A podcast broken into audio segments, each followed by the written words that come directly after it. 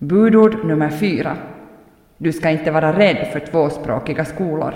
Säg tvåspråkiga skolor och räkna med att det blir riktigt emotionellt.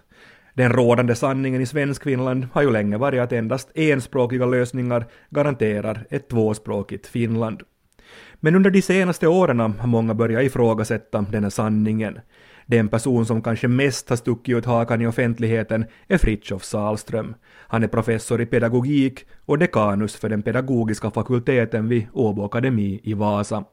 Att det att tänka sig att man skulle ha finska och svenskan i skolan tillsammans, det är ju ett sätt att säga att i stort sett hela det tankemodell som ligger till grunden för hur vi har valt att organisera tänkande och också liksom samhälle kring språk, att det, den utmanas ju av den tanken och det är det som gör det så, så himla svårt. Det, att, att det går inte att säga att med ett argument säga att, att ja, vi ska göra skola på ett annat sätt, utan då är man faktiskt tvungen att tänka på ett helt nytt sätt om allt.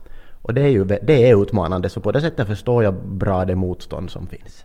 Ofta stannar en diskussion om tvåspråkiga skolor med konstaterande vi måste först definiera vad en tvåspråkig skola är. För Fritjof Salström, som alltså är den högsta chefen för lärarutbildningen vid Åbo Akademi, ja för honom är definitionen enkel. Det alternativ som är egentligen det tydligt bästa och som nu är det enda som är rimligt som jag menar och andra forskare inom det här området menar att det är rimligt att överväga är det här som man kan kalla tvåvägs språkbad som i grunden faktiskt är väldigt enkelt och det handlar om att man får ungefär hälften av undervisningen på svenska och hälften av undervisningen på finska. Lärare undervisar på sitt eget modersmål, eller på sina egna modersmål. Det finns ju lärare som kan vara undervisa på mer än ett språk. Under grundskolan så ser man till att man i något skede har fått undervisning i alla ämnen på båda språken.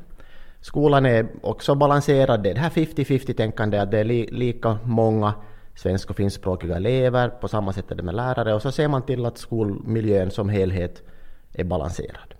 I tillägg till den här liksom 50-50-modellen som ju är väldigt på det sättet enkel att förstå så, så behöver man särskilt stärka minoritetsspråket i början. Så att i de modeller där man gör sånt här så, så är det angeläget att man under de första åren i Finland då skulle det handla om att ge svenskan ett lite större stöd just för att säkerställa att, att båda språken blir lika starka. Men det, det är att definiera, så det här är vad det handlar om och det här är man, hur man beskriver det och det här är hur man gör det och det är inte särskilt svårt att förstå. Jag tror att mycket av den här diskussionen som handlar om att definiera tvåspråkig skola, det är ett, ett sätt att, att värja sig för hela den här diskussionen. Att det har snarare, enligt min förståelse, varit det argumentet är ju ett väldigt effektivt argument för att stänga ner diskussionen och, och, och det är som sagt begripligt att man tycker att det är svårt att föra diskussionen eh, och, och därför så söker man efter olika medel för att göra det. Och, det, här, det här att säga att, att så länge det inte är definierat går det inte att prata om är ju ett retoriskt väldigt effektivt, men det har ganska lite med verkligheten att göra.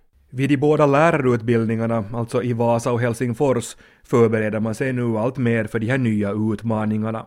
I Vasa utbildar man fler språkbadslärare och försöker också rekrytera fler studerande med finska som modersmål. Vid den nya lärarutbildningen i Helsingfors har orden mångfald redan från första början varit ett rättesnöre. När Fritjof Salström argumenterar för en genuint tvåspråkig skolmiljö gör han det inte i första hand med ekonomiska eller med allmänna språkpolitiska förtecken. Jag kommer ju till den här diskussionen ur ett sånt språkpedagogiskt och pedagogiskt perspektiv. Och, och där är det så att och det handlar ju ganska mycket om individer och, och, vad man har möjlighet att lära sig och vad man kan bli och hur man kan i skolan få bli sedd och bekräftad som den man är. Och där kan man säga att det finns egentligen ingen forskningsevidens som skulle tyda på att det skulle finnas något dåligt med tvåspråkiga skolor. Så länge man gör det bra. Hur mycket skit får du Fritiof för att du säger de här sakerna i svensk Finland? Mindre och mindre, faktiskt. Och det tycker jag är väldigt glädjande. Alltså det, det här är en svår fråga, alltså för finlandssvenskheten.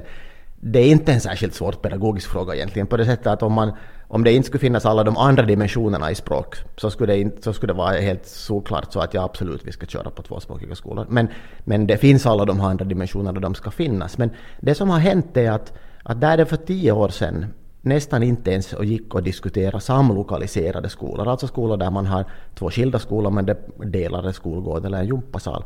Så går det ju idag att föra sakliga och bra diskussioner om till exempel tvåspråkiga skolor. Det, och det tycker jag tyder på en liksom, ökande mognad och, och en ökande förmåga till självinsikt och reflexivitet.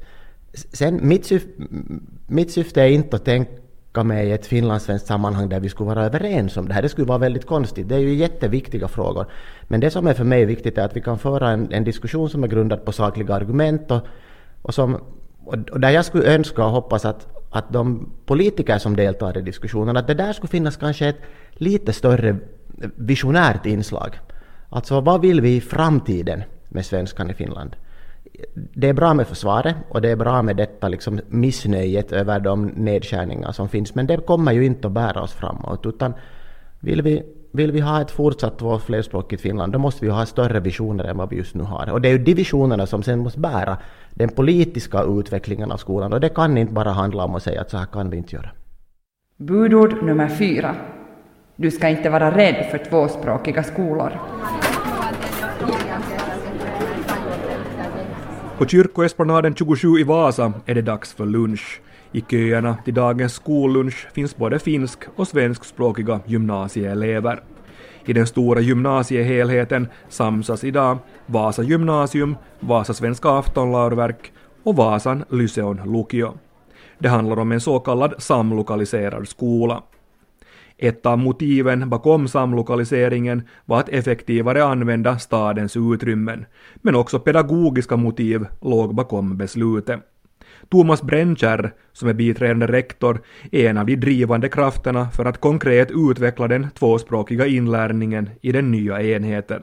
Visionen för mig var att hitta pedagogiska lösningar där båda språkgrupperna kan umgås. Vi ska skapa inlärningsmiljöer där finska och svenska studerande tillsammans kan lära sig nya saker. Och det var häftigt, för det, det var det första campuset i Finland, så vi, vi, vi skulle skapa någonting nytt.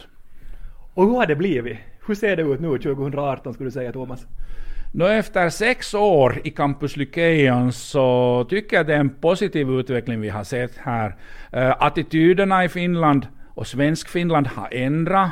Man såg rätt så kritiskt på det här samarbetet i början. Idag ser man många möjligheter i ett dylikt samarbete.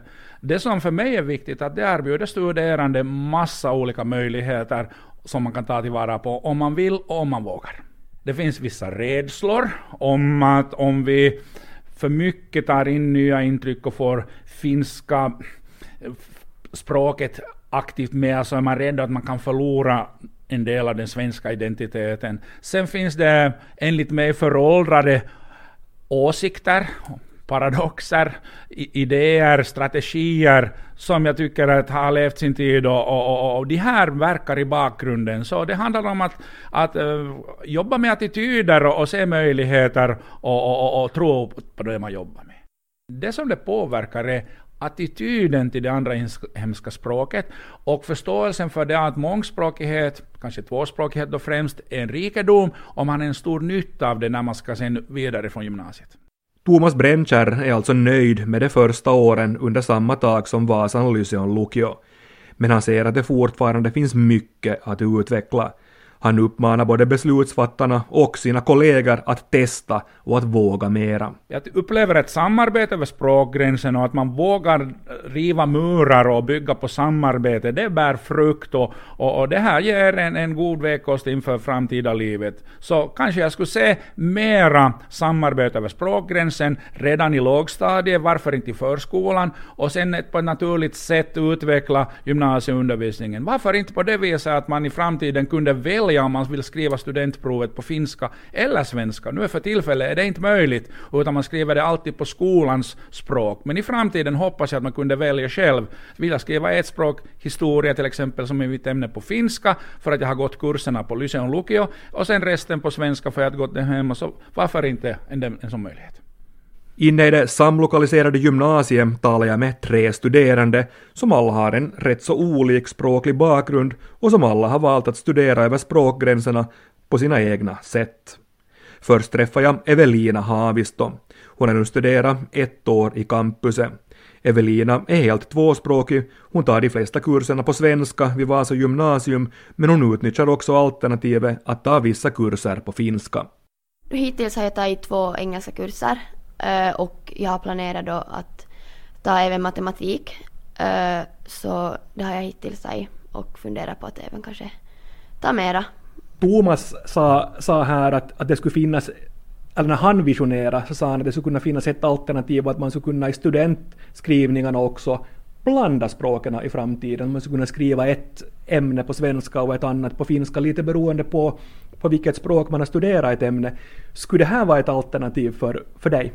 Jag tycker det skulle vara riktigt bra och någonting eh, som skulle liksom nu då jag tar liksom kurser på engelska och jag har funderat att jag ska fortsätta med det att jag liksom tar säkert nästan alla och sen kanske de sista på sen här igen på VG. Men det skulle nog vara något riktigt bra och man skulle få liksom lite utmana sig själv och se lite att hur det skulle funka. Mira Bäck är den andra studerande jag talar med. Mira har nu läst två år vid det här samlokaliserade gymnasiet i Vasa. Mira är svenskspråkig, men hon har en stark finska. Hon är också aktiv i elevkåren som bland annat ordnar tvåspråkiga temadagar och olika jippon. Mira har också tagit många kurser och projekt som ordnas över språkgränserna och hon stortrivs med de här möjligheterna. Det har varit riktigt roligt och jag har hittills trivts jättebra och det här samarbetet som vi har haft med Lyska så har hittills fungerat helt bra och jag har då valt att läsa vissa kurser som spanska och kemi, biologi med tanke på framtida studier så har jag valt att läsa på Vasan Lysan lukio för att få den här kontakten med finska termer inom ämnena bland annat. Vad skulle du säga Mira att det har gett dig när det gäller nya sociala kontakter att eh, studera på det här sättet? Personligen så har det nog gett mig jättemycket att man har ju fått lära känna nya människor och träffa andra och komma ut utanför ens egen så här comfort zone. Den tredje studerande jag talar med heter Fredrika Snovs. Hon kommer från Solv i Korsholm och har nu studerat två år vid campuset i Vasa. Fredrika är i sin tur ganska enspråkigt svensk och möjligheten att studera i en tvåspråkig miljö var en av orsakerna till att hon valde Vasa gymnasium. Bland annat de så kallade tandemkurserna i finska och svenska lockade henne. Uh, no, nu var det en ganska stor orsak, alltså att, att som får höra finska mer dagligen och som kanske sådär snappa upp några ord och som hör vad de pratar om eller något sånt där. Så att nu var en sån stor orsak. Hur har det påverkat dina kunskaper i finska, skulle du säga att ha gått här nu andra året? Nå, kanske de nog har blivit lite bättre men det är väl också just det att man vågar lättare ta till finska än förut.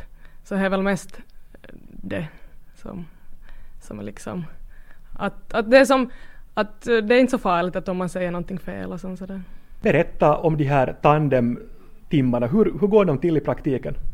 Uh, när man får som ett par och så får man ett uppgiftspapper där man då olika så här dialoger eller ord man ska förklara eller korsord eller något sånt, så ska man som tillsammans då prata och diskutera olika ämnen och, och fråga frågor av varandra.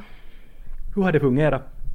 Ja, no, jag har tyckt att det var jätteroligt. Alltså, det är ju roligare att prata än att måste skriva massa uppgifter och essäer eller vad man nu gör. Så det är ju som varit väldigt mycket så här lättare. I många kommuner runt om i landet sneglar man nu mot det samlokaliserade gymnasiet i Vasa och funderar på motsvarande upplägg.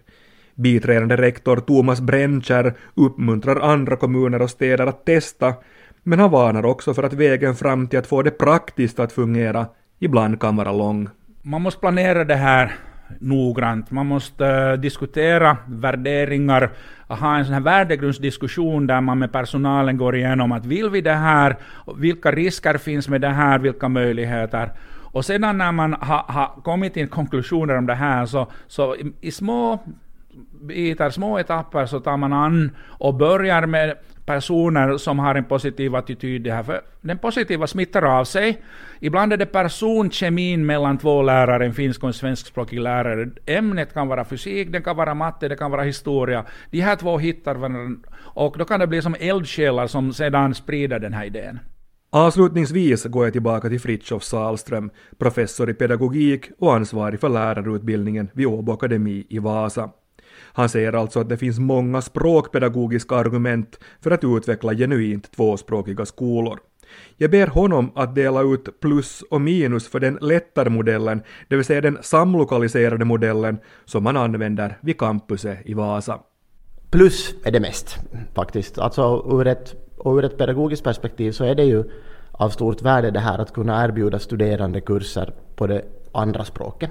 Så att man utöver att lära sig ett innehåll faktiskt kan få språket på köpet. Det funkar ju så. På ett sätt är det ju språkpedagogik är ju svårt att diskutera, kulturellt viktigt, identitets och ödesfråga. Men sen är det ganska lätt att göra i verkligheten, att man behöver faktiskt inte sen krångla till det så himla mycket. Att finns den där viljan och någon slags förutsättningar för att mötas så kan, lär man sig både om historia och kan lära språk samtidigt till exempel. Så, så det finns nästan bara plus med det. Det sen som har varit lite överraskande, vi hade ett forskningsprojekt som bland annat var att titta på samlokaliserade skolor och där det här campuset var en del av det projektet. Det som överraskade oss där och också på de andra ställena var den mycket, mycket begränsade kontakt ändå som de här eleverna och studerandena i genomsnitt hade med varandra. Att, att, att det krävs väldigt mycket arbete från skolornas sida om det är så att man utöver det här med att spara pengar genom att kunna dela på lokaler som bra kan vara gemensamma, om man utöver det också vill ha en pedagogisk vinst och ett språkmöte, så då måste man jobba väldigt, väldigt mycket för att få de mötena att uppstå. Och det har varit en större utmaning tror jag än vad många hade föreställt sig när man har börjat med sådana samlokaliseringar på olika håll.